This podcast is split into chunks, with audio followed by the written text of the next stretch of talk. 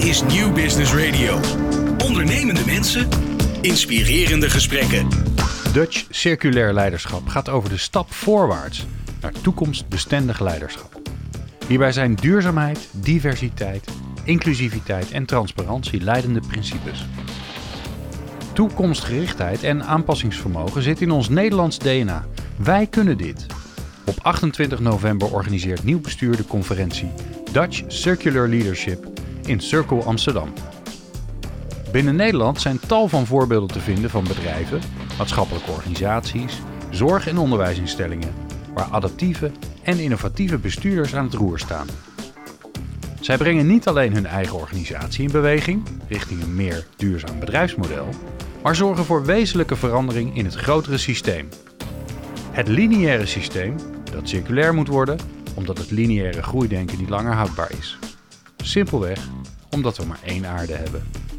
In aanloop naar de conferentie op 28 november maken wij een podcastreeks waarin we inspirerende bestuurders interviewen over hun kijk op circulair leiderschap. In deze special zijn we te gast op het hoofdkantoor van DSM in Heerlen, waar Fijke Siebesma als CEO aan het roer staat van de multinational gespecialiseerd in voedingssupplementen en vezels met 25.000 medewerkers wereldwijd. Siebesma is in 2018 door de Volkskrant verkozen tot meest invloedrijke bestuurder van Nederland. Hij is een belangrijke opinion leader op het gebied van klimaatverandering en zet zich in voor talloze circulaire denktanks. Mildred Hofkes, oprichter van Nieuw Bestuur en initiatiefnemer van Dutch Circular Leadership Conference, sprak met hem. Nieuw Business Radio. Ondernemende mensen, inspirerende gesprekken. Let's talk business. Waar wij eigenlijk alle uh, uitzendingen mee beginnen. We zijn dus eigenlijk op zoek naar de, de blauwdruk van circulair leiderschap. En uh, uh, het is ook heel, ik vind het ook heel interessant om daar met bestuurders zoals jij over te praten. Omdat jij natuurlijk dagelijks mee bezig bent met leiderschap en ook met circulariteit. Uh, wat ons wel opvalt, ook in de podcastreeks die we tot nu toe hebben gemaakt, dat ergens komt het vandaan. Ergens hebben bestuurders gekozen voor iets. En ik vind dat uh, in mijn ervaring, zoals ik jou zelf ook zie in de media en hoe jij opstelt, dat jij ook duidelijk voor iets gekozen hebt. Kun jij vertellen waar je voor gekozen hebt? Ja, dat is een goede vraag, want daar begint het inderdaad bij. En het begint, wat is eigenlijk de doelstelling van je bedrijf? Wat is de doelstelling van je economie? Wat moet ik als CEO of wat moeten wij als bedrijf doen? En ik ga dan helemaal terug naar het ontstaan van de economie. Uh, de een was beter in buffels te vangen en de ander was beter om gewassen te telen.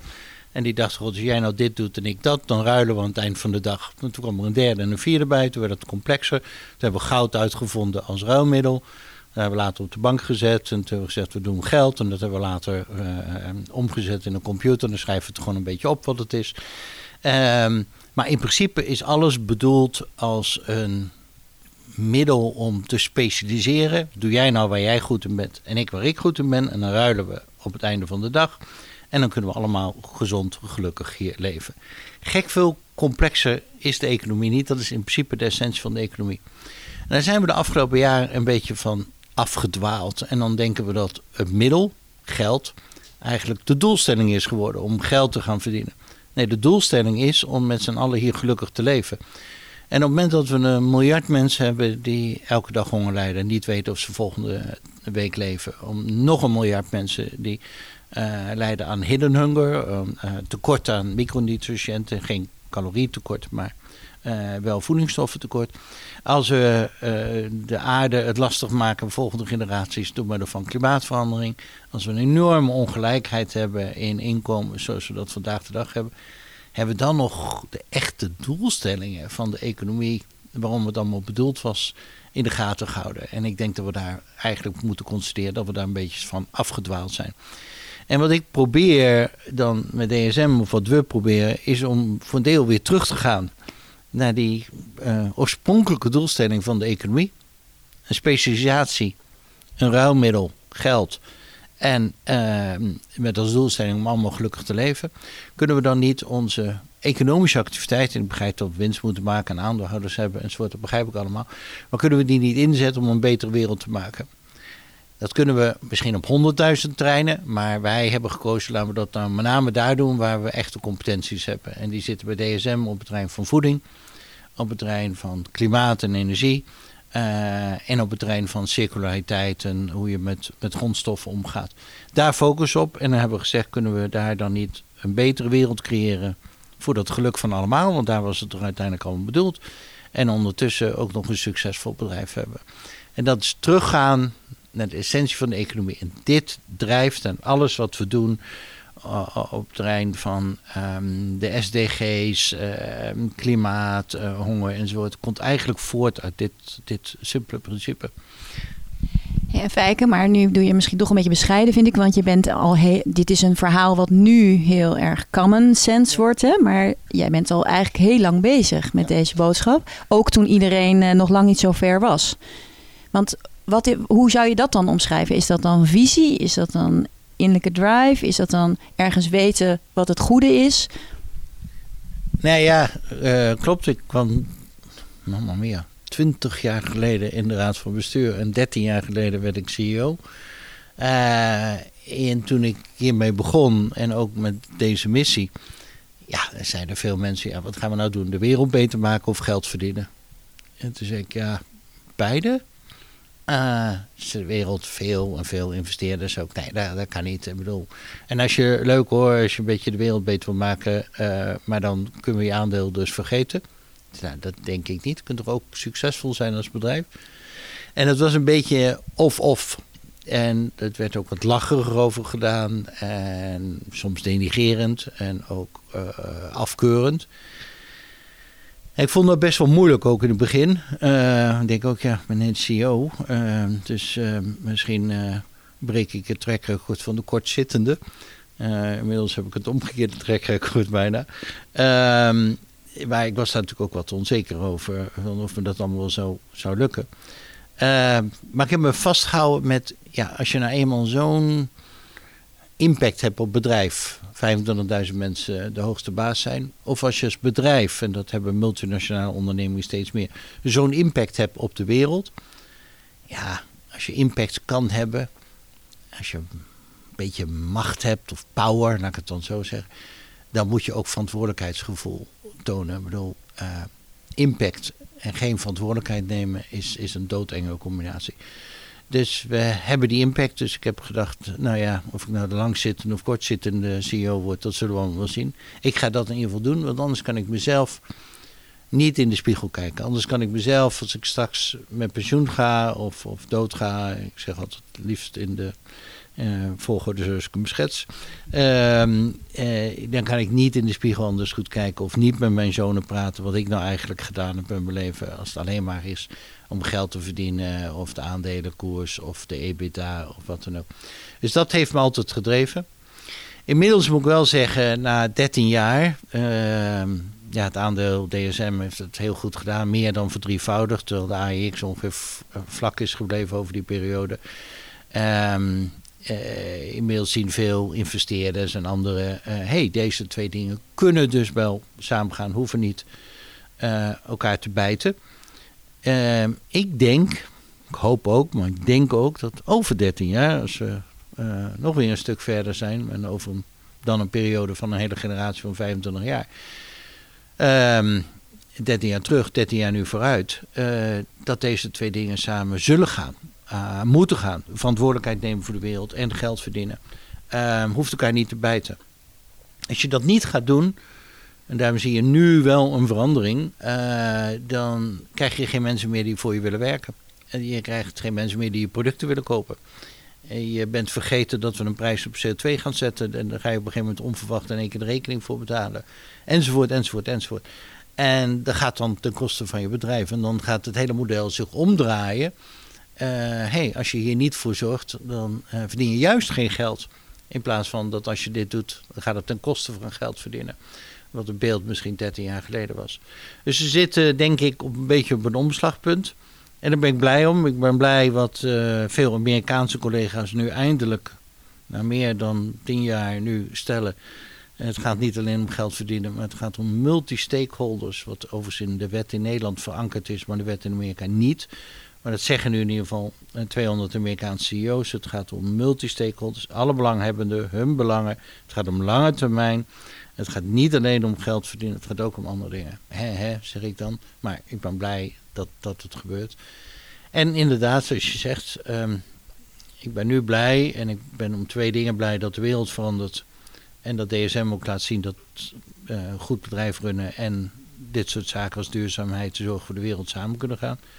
Het was 13 jaar geleden uh, niet bepaald het geval en ook niet makkelijk. En ja, want er staan natuurlijk een hoop bestuurders nu voor dezelfde vraag eigenlijk. Hè, misschien wel 13 jaar later. Die gaan dus deze beweging maken. Die breken dus ergens doorheen. Jij bent er al eigenlijk destijds doorheen gebroken. Wat kun je hun meegeven? Ja, het begint toch wat ik in het begin zei. Met je filosofie. Uh, uh, wat je eigenlijk wil doen. Ik, ik, bespreek dat ook met veel mensen die top executive worden bij ons. En ik, eigenlijk zou een raad van commissarissen dat soort gesprekken moeten hebben met een nieuwe CEO. Uh, dan krijg je heel veel power, heel veel impact. Wat ga je ermee doen? En uh, heel veel geven als eerste reactie. Nou, dat is heel mooi, hè, want dan, uh, dan doet het er echt toe wat ik, wat ik doe. Ja, dat is mooi. Dat is ook zo. En nou, ik heb nu echt, ik heb nu echt impact. ja, dat is ook zo. En, en dan, wat ga je ermee doen met die impact die je hebt? Ehm, nou, ik vind het belangrijk om invloed te hebben. Ja, eens, maar wat ga je ermee doen? Wat is je filosofie? Wat moet dat bedrijf eigenlijk doen? Nou, succesvol zijn, geld verdienen. Is dat... En daar begint het mee, denk ik, dat je je afvraagt: wat ga ik eigenlijk doen? Als je CEO wordt, dan heb je heel veel impact. Als je een groot bedrijf leidt, heb je heel veel impact. Wat ga je er eigenlijk mee doen? En ik zou iedereen aanmoedigen om eerst die vraag te stellen. Ik heb pas geleden een vraag gekregen van iemand die zegt: Ja, maar een aantal bedrijven, of een heleboel bedrijven, weet ik niet, uh, die kunnen helemaal geen rol spelen in de samenleving. Ik zeg: Echt waar? Ja, die vinden dat niet bedenken. Ja, bij jou is het misschien makkelijk met honger en klimaat, maar een heleboel vinden het heel moeilijk. Ik zeg, en wat zeggen die dan? Ja, die CEO's die weten niet precies wat voor positieve impact ze moeten hebben met hun bedrijf op de samenleving. Ik zeg, dat is een boeiend statement. Dan, dan, moet je die vraag nog één keer voor jezelf herhalen als je CEO wordt. En je zegt, mijn bedrijf, ja, dat kan eigenlijk nul toegevoegd waarde leveren aan de maatschappij. Waarom besta je dan? En wat doe je dan in vredesnaam? Dan zou ik zeggen, ga mezelf vooral heel snel omvormen. Um, maar even, nou, daar komen we natuurlijk meteen op een groot dilemma. Dat veel bestuurders die misschien wel op een positie komen, hè, zoals waar jij zit, die, die de impact kunnen maken, zeggen. Maar dan begint misschien het moeilijkste stuk om de mensen mee te krijgen. Hè, dus is ook, ook vaak veel weerstand in organisatie om zo'n transitie in te gaan. Wat, wat, wat voor een ervaring heb jij daarmee? Ja, dat klopt. Het begint met jezelf als baas of als raad van bestuur, raad van commissarissen, om te denken, wat wil ik eigenlijk met het bedrijf? En ik hoop een succesvol bedrijf en impact, goede impact op deze maatschappij. Daar, daar begint het bij. En als je die stappen eenmaal gemaakt hebt, uh, dan denk ik dat je goed moet kijken naar de competenties van je bedrijf. Want we kunnen op 100.000 terreinen een positieve impact hebben. Maar als je daar geen competenties hebt, heeft het geen enkele zin. Wordt het een soort hobbyisme. Kan je er geld aan uitgeven, maar niet je competenties. Dus probeer die dingen te kiezen in de wereld, die dingen in de 17 SDG's, die aansluiten bij de competenties van jouw bedrijf. En probeer daar uh, op in te zetten. Als je die stap ook hebt gemaakt, je goed weet welke competenties je hebt en goed weet op welke van de SDG's of wat dan ook je impact eh, wil hebben, dan begint de route in je bedrijf. Uh, uh, want niks is zo ernstig als dit alleen een visie of een hobby of wat dan ook uh, van de CEO is. Het moet iets van het hele bedrijf zijn. Dus je moet het verankeren in je bedrijfsvoering. Uh, dat betekent dat je zelf voorop loopt. Uh, dat betekent dat je doelstellingen gaat neerzetten. Dat betekent dat je dingen gaat meten. Uh, dat je dingen gaat rapporteren. Dat je er verhalen over gaat vertellen. Dat je ook een aantal dingen kwantitatief maakt. Dat je uh, kan zien of we voortgang maken. En ook dingen loslaten, denk ik. Van... Uiteindelijk dingen loslaten om te kijken of de mensen het zelf oppakken en het zelf drijft en dezelfde creativiteit hebben. In het begin is het niet alleen loslaten. Het is ook uh, mensen een beetje helpen bewegen om van A naar B te gaan. En dat gaat niet automatisch en dat gaat niet alleen door los te laten. Want je krijgt niet mensen van A naar B door alleen los te laten. Uh, je krijgt mensen van A naar B om ze soms een beetje te duwen, soms een beetje te trekken, soms te verleiden dat B eigenlijk heel mooi is. Soms ook om de schrikbeelden te zetten. Als je alleen bij A blijft, is dat ook niet fijn. Dus je zal de hele management of leiderschap piano moeten spelen. Uh, van verleiden, uh, soms angsten, uh, lol, soms duwen, soms trekken, soms ondersteunen. Om van A naar B te gaan. En je moet zorgen, en dat hebben we geprobeerd, om snel een grotere groep mensen om je heen te krijgen die diezelfde visie hebben en delen. Het is heel gevaarlijk als dat bij één figuur of alleen de CEO of alleen de raad van bestuur verankerd zit. En wij kregen vrij snel een grotere groep van 20, 10, 20, 30, 40, 50, 100 enzovoort mensen. Ja, en dan kan je precies doen wat jij zegt, iets meer loslaten. Want dan krijg je een soort olievlek. Dan gaan die van die andere in die top 100 rondom je heen. Dan gaan een heleboel andere mensen precies hetzelfde doen als wat ik gedaan heb. Die gaan hun club motiveren en verleiden en weet ik wat. En, uh, en dan wordt mijn rol iets, iets makkelijker. Uh, en dan kan kijken, kunnen we de visie nog weer verder aanscherpen? Kunnen we nog andere allianties buiten ingaan? Kunnen we met andere mensen samenwerken? Kunnen we dit nog, nog veel impactvoller uh, maken? Zo hebben wij op het terrein van honger heel veel gedaan met het Wereldvoedselprogramma.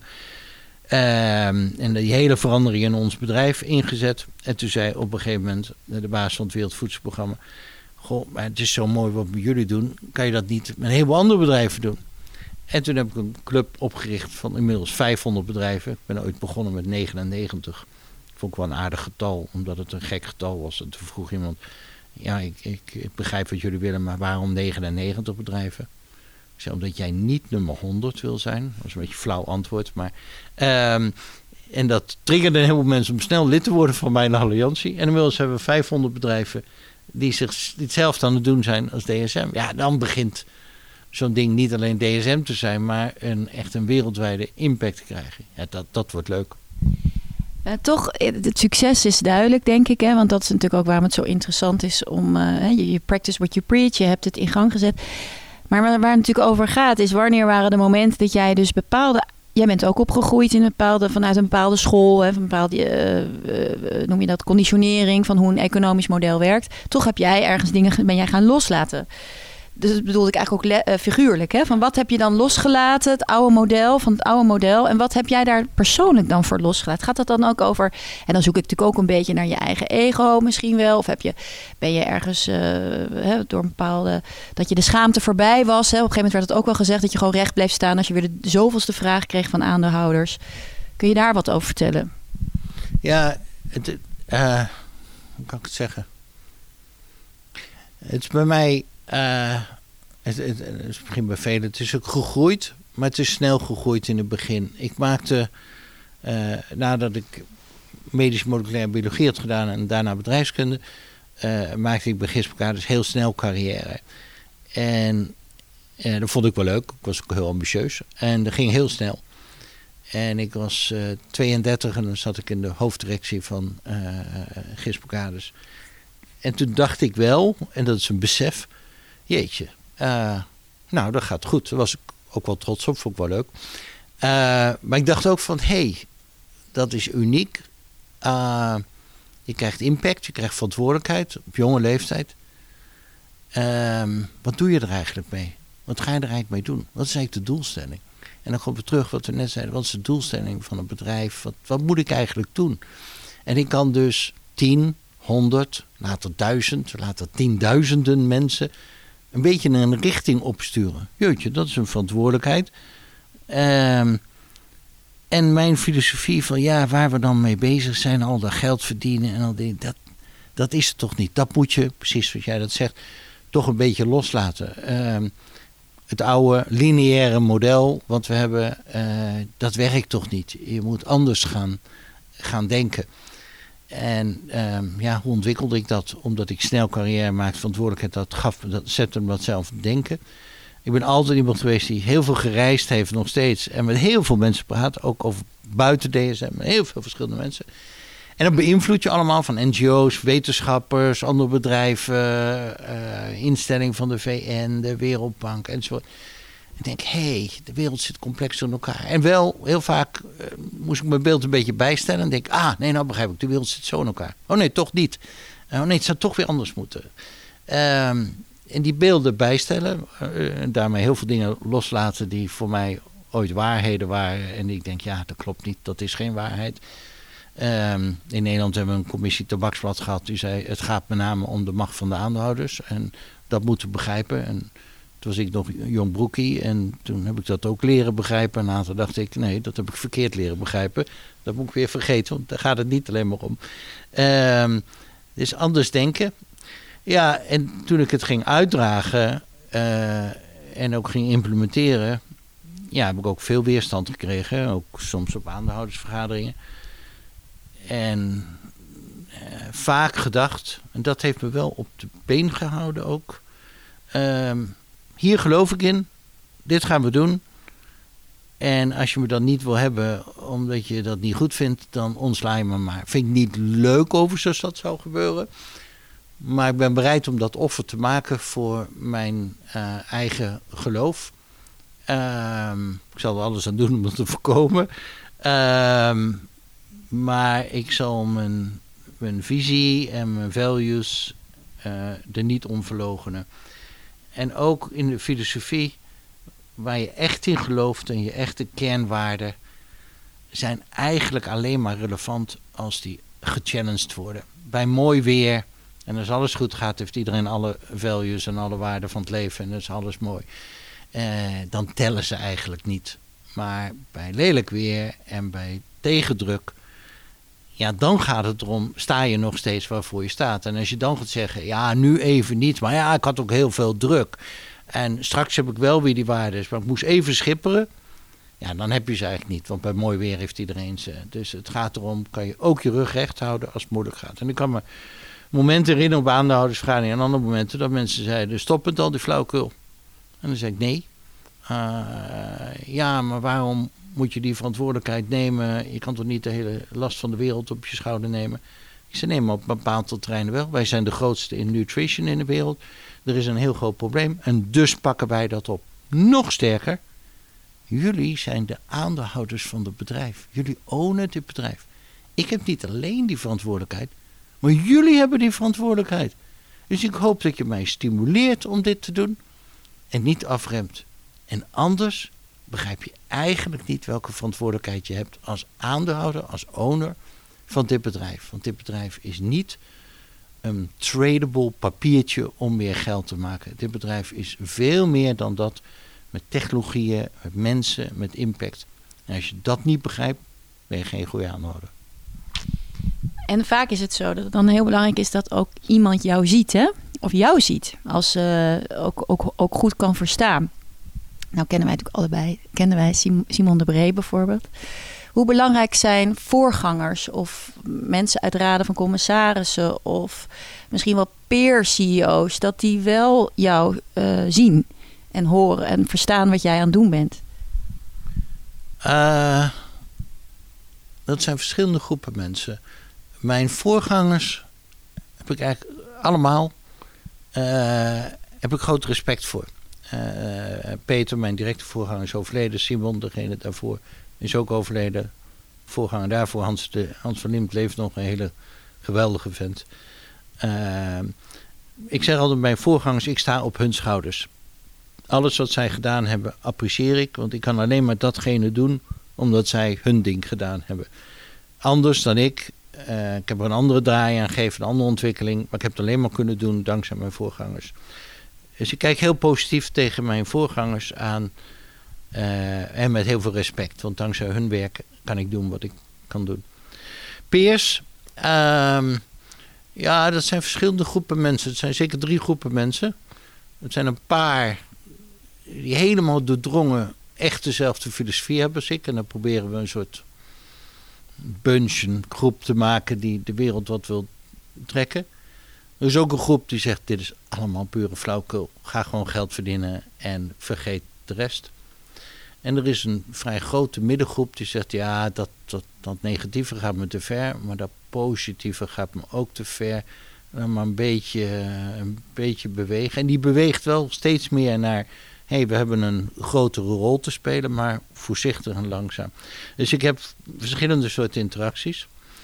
Ik heb pas geleden ook een interactie gehad, een jaar geleden, met een aantal mensen die zeggen: Ja, Fijk, hou op met die flauwkul. Het gaat alleen om geld verdienen. Ik zeg: Echt waar? Ja.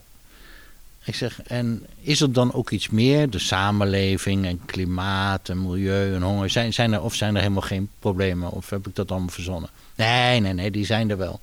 Maar, ja, daar moet jij niet de verantwoordelijkheid voor nemen. Ik zeg, oh, want dat moeten overheden doen. Exact. Oké, dus de overheden moeten die problemen oplossen. Juist. Ik zeg, oké, en kunnen die dat eigenlijk? Uh, ja, dat weet ik niet. Ik zeg, waarom niet? Ja, het is allemaal complex tussen die overheden, want die meeste problemen hebben met technologieën te maken die ze niet hebben, zijn grensoverschrijdend waar overheden per definitie niet over gaan, enzovoort. Zeg, precies. En daarom spelen wij als bedrijven dus een rol. Wij zijn per definitie grensoverschrijdend en niet gebakken aan één land. Wij hebben per definitie die technologie en die ontwikkelingen. Is hier onze verantwoordelijkheid. Dat inzicht kan nog beter groeien. En heb je het dan specifiek over Nederland of, of wereldwijd? Want welke rol vind jij heeft Nederland hierin te, te, te, nemen? Of welke kans ligt er misschien wel voor Nederland? Op dit gebied van circulair leiderschap, hè, zoals we het gedefinieerd hebben. Ja. Ik denk dat voor Nederland een geweldige kans ligt. Oh, trouwens ook voor Europa. Uh, trouwens, Ursula van Leyen uh, sprak ik pas geleden, uh, vorige week. met... Leg even uit wie dat is. Ursula von Leyen is de nieuwe president van de Europese Commissie, voormalig Duitse defense minister. En gaat nu de Europese Commissie leiden. En ik vroeg aan haar wat zijn je prioriteiten. Eén, een circulair groene Europa. Twee, digitalisering. En drie, het issue rondom migratie. En, en één, uh, hebben we het over gehad, uh, rondom groen, circulariteit.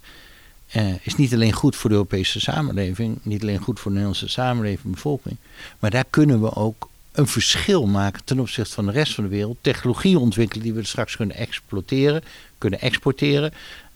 we kunnen ons businessmodel ervan maken. En Nederland in Europa loopt daar nog weer een stapje helemaal op vooruit. Uh, Nederland heeft het grootste aantal bedrijven die hoog staan of nummer 1 in Dow Jones Sustainability Index. Uh, Nederland heeft de Dutch Sustainable Growth Coalition. Nederland heeft de Circular Foundation en Circularity Foundation. Uh, Nederland doet op een heleboel van dat terreinen. Het Klimaatadaptatiecentrum zit in Nederland, wereldwijd. Dus ja, Nederland loopt wel voorop. Een heleboel buitenlanders, sommige Amerikanen vragen mij wel eens... wat zit er in het drinkwater in Nederland? Dat jullie dat allemaal doen, eh, beïnvloeden jullie elkaar? Dat zal ongetwijfeld zo zijn. Het is een klein land, veel mensen kennen elkaar. Het zal ongetwijfeld beïnvloeding zijn. En waar deze, ja, waarom zorg je niet gewoon voor jezelf en waar, waar van deze mentaliteit? En dan denk ik, die zou ook iets komen historisch door de ligging onder de zeespiegel. Uh, die zal wel komen doordat het een heel klein land is. En dat we snel geneigd zijn om te denken: hé, hey, wij opereren in een groot ecosysteem van de hele wereld. Als die hele wereld niet succesvol is, dan worden wij het zeker niet. Dus laten we daar maar een beetje een oog voor hebben. Het is natuurlijk heel anders dat je in China of Amerika of ook Duitsland en Frankrijk, waarbij je een gevoel krijgt: nou, wij zijn een behoorlijke natie en, en wij, wij kunnen het zelf wel. Nederland heeft heel snel het gevoel: we kunnen het helemaal niet zelf en we moeten met onze goede handelsgeest, vooral in interactie met anderen en allerlei dingen goed doen uh, om goed te overleven. Dus dat zal er wel iets mee te maken hebben dat Nederland zo voorop loopt. Uh, maar Nederland loopt voorop en Nederland heeft grote kansen. Wat, uh, dat geldt met name voor het bedrijfsleven. Nu begint de overheid ook te bewegen, maar ik moet ook zeggen, nog steeds vandaag de dag als we naar CO2-uitstoot en onze energievoorziening kijken, dan laten we in Europa Malta en Luxemburg achter ons. En is Nederland uh, uh, de top 23 vervuiler van de 25. Um, ehm, dus op een heleboel terreinen kunnen we het als Nederland wel een stukje beter. En er is, lijkt dat soms ook wel een split tussen wat we publiekelijk gedaan hebben en wat we in Nederland privaat gedaan hebben. Die komen nu dichter bij elkaar, daar liggen kansen. En als we dit omarmen, kunnen we de technologie ontwikkelen, uh, kunnen we een samenleving maken uh, die meer circulair is, die minder lineair is, die daarmee geld kan verdienen, die daarmee banen en welvaart kan scheppen.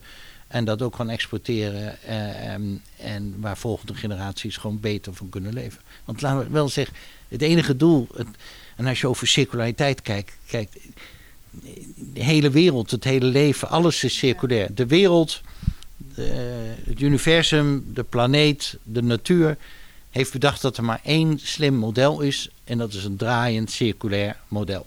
Dat, dat zit alles van de natuur en het leven zelf. Alles is circulair. En de mensen hebben bedacht, ja, oké, en waarom zou je er niet gewoon een rechtlijnig uh, van het begin tot het eindpunt uh, uh, van maken? En er is eigenlijk niemand die dat bedacht heeft. Iedereen die al eerder iets bedacht heeft, zei dat is geen slim model. Ehm, dus je moet een omdenken hebben ehm, naar een ander soort model. Wil je ook voor een volgende generatie en een volgende generatie het leuk en gezellig houden. En dat is toch wat we allemaal willen.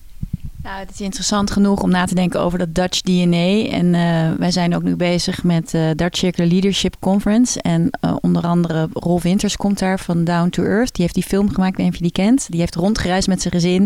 Die is uiteindelijk neergestreken in Michigan bij de Native Americans, de Indianen. En ik vertelde aan hem dat we dit gaan doen op 28 november. En hij zei, oh, het klinkt helemaal niet raar, want die Native Americans hebben altijd gezegd: It's coming from the blue-eyed people from the waterland. Nou, Fijke? Klopt. Uh, uh, ik denk dat Nederland een heel bijzondere rol kan spelen. Uh, en degenen die terug zijn gegaan eh, naar de natuur weten dat. Kijk, we zeggen ja, we hebben straks te veel mensen en tekort aan grondstoffen en, en allemaal problemen. En hoe kunnen we dat doen? Maar ik zeg altijd maar, alle grondstoffen, alle dingetjes die we hebben, is misschien voor sommigen een eye-opener, die blijven allemaal op moeder aarde. Er worden heel weinig atomen uh, gestolen van de aarde. Uh, het is niet waar dat s s'nachts de marsmannetjes komen en stiekem de atomen weghalen. Dus alles blijft hier. Alleen omdat we ons model gek hebben ingericht, halen we bijvoorbeeld schaarse metalen. Die halen we uit Afrika. Die zijn keurig gerangschikt in mijnen. Liggen ze opgestapeld. En die halen we eruit. Die stoppen we in mobieltjes en telefoons en, en televisies enzovoort. Daarna maken we er afval van. Dan bundelen we het met allerlei andere troepelerijen en dan heet het afval. Dan brengen we het overigens terug naar Afrika, maar dan als een afvalbelt. Uh, schekken van uh, hoe onze economie in elkaar zit. En dan dumpen we het daar en kunnen we het niet meer gebruiken. Als je nou van tevoren even nadenkt over die hele supply chain. Uh, en die hele waardeketen. Je denkt van ja, maar al die dingen die we straks gebruikt hebben weer als afval. Die willen we gewoon op het einde weer opnieuw gebruiken. Zoals de natuur zichzelf heeft georganiseerd ja, dan is er helemaal geen schaarse materiaal. Het hele woord bestaat niet. Um, um, als we kijken naar onze voedselvoorziening, we gooien 30 tot 50 procent, als je helemaal naar de landbouwproductie kijkt, van onze agricultural behoeften gooien we weg. Elk jaar opnieuw. Ja, en ondertussen is er hongersnood. En er is natuurlijk helemaal geen hongersnood. Ja, er is geen infrastructuur er vliegen elke dag vliegtuigen, omdat ze willen dat die mensen daar komen werken, van Dhaka in Bangladesh naar Dubai. De infrastructuur is er voor andere doeleinden opgezet.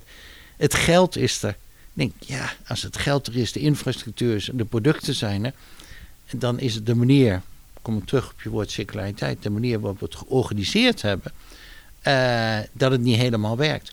En laten we wel zijn, op het moment dat je met 10 miljoen, 100 miljoen, 500 miljoen mensen leeft op deze aarde. En dat hebben lang gehad.